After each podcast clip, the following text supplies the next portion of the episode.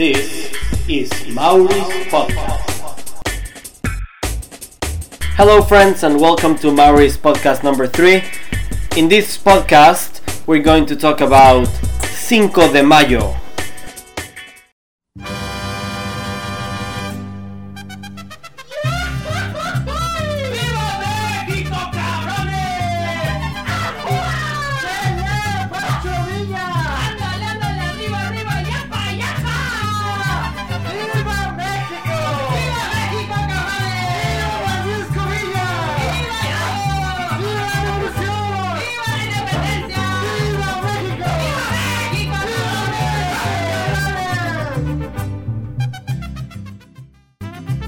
And the reason why I decided to make a podcast about the 5th of May, or better known as Cinco de Mayo, which is the literary translation into Spanish basically, is because a lot of people around the world celebrate this date, but for the wrong reasons. And so I asked my brother, Daniel, who is actually here with us. Say hello. Hello.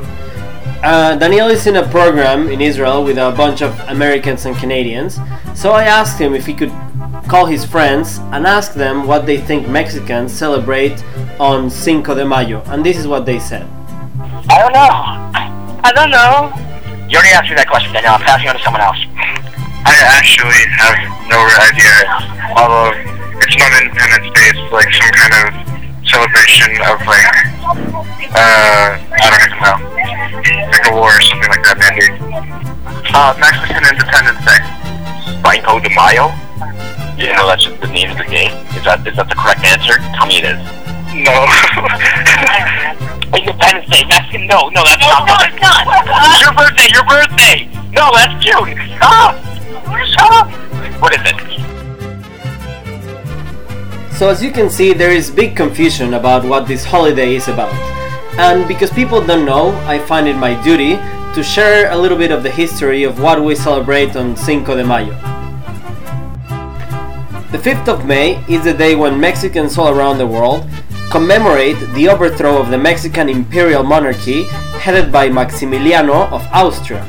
The imperial monarchy was imposed from 1864 to 1867 on Mexico by Napoleon III, Emperor of France, who was nephew of Napoleon Bonaparte.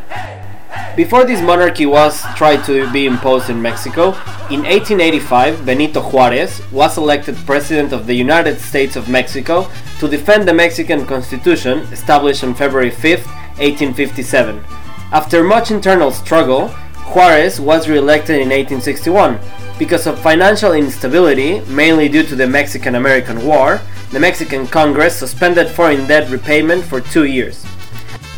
The creditors in Europe, mainly England, Spain, and France, decided intervention was needed to collect the debt. Unbeknownst to the other two, France had its own agenda. France wanted to dispose of the Mexican constitutional government and set up a monarchy favorable to France. Napoleon III, Emperor of the Second French Empire, had grandiose plans to impose a monarchical government upon the nations of Central and South America. This was to provide raw materials and trade for the European nations as well as check the growing power of the US Republic following the annexation of California, Arizona, and New Mexico. France's designs were fomented and supported by the plutocratic and conservative landowners of Mexico who feared loss of land and political power to the newly elected constitutional government of Benito Juarez. And on December 8, 1861, the European powers landed and occupied Veracruz. Spain arrived first. But by April 11, 1862, after realizing France's intent, England and Spain withdrew their support. Alright then, old chap. Let's be going. Vámonos de aquí, tío. Esto apesta. Tío, está muy dura la situación. Let's get out of here. Meanwhile, in Mexico City, President Juarez, who was a full blooded Zapotec Indian and a lawyer who had studied to become a priest, was taking countermeasures. And he said, The imperial government will not succeed in subduing the Mexicans, and its armies will not have a single day of peace. We must stop them, not only for our country, but for the respect of the sovereignty of the nations. Juarez declared martial law and declared all areas occupied by the French in a state of siege. After reinforcements arrived, a French force of 7,000 set out to the 225 mile long route to Mexico City in early April under the illusion that the Mexican people would welcome them. This illusion was fostered by Juan Almonte, a Mexican reactionary, and by Count Dubois du Salignon, appointed French ambassador to Mexico by Napoleon. President Juarez commanded General Ignacio Zaragoza to block the advance of the French army with 2,000 soldiers at the fortified hills of Loreto and Guadalupe by the city of Puebla. On May 5, 1862, cannons boomed and rifle shots rang out as the French soldiers attacked the two forts. Before the day was over, one fort was in ruins and more than 1,000 French soldiers were dead. The Mexicans had won the battle, but not the war. Yet, this date was established as symbolic of the Mexicans' courage against a formidable army. In June 1864, Maximiliano of Habsburg and his wife Charlotte arrived in Mexico City as the crowned emperor of the newly formed Mexican Empire. Although Maximilian organized the administration, liberated the Indians from servitude, and developed the natural resources of the country, he was unable to avoid the opposition of the Mexican patriots. The Republicans, led by Benito Juarez, did not accept the foreign intervention. They went north and requested assistance from the Californians and other Mexican American societies to help them with volunteer and financial support.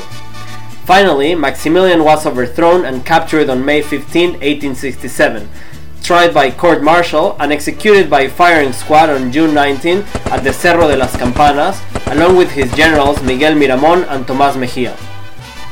So, in a few words, on May 5th, the Mexicans around the world celebrate kicking the Frenchies' ass out of our country. That's when we beat Napoleon's army. The army that was supposed to be the strongest in the world. The Empire, the French Empire, and a bunch of Mexicans kicked their asses. Haha!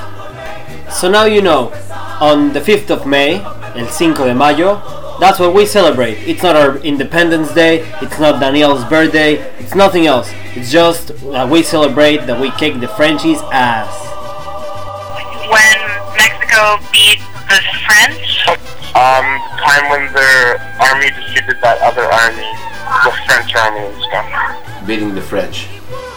Thank you very much for downloading and listening to my podcast. If you want more information about this and other podcasts, please visit my website www.mauweb.net. See you next week, and in the meantime, I'll leave you with this song. Bye bye.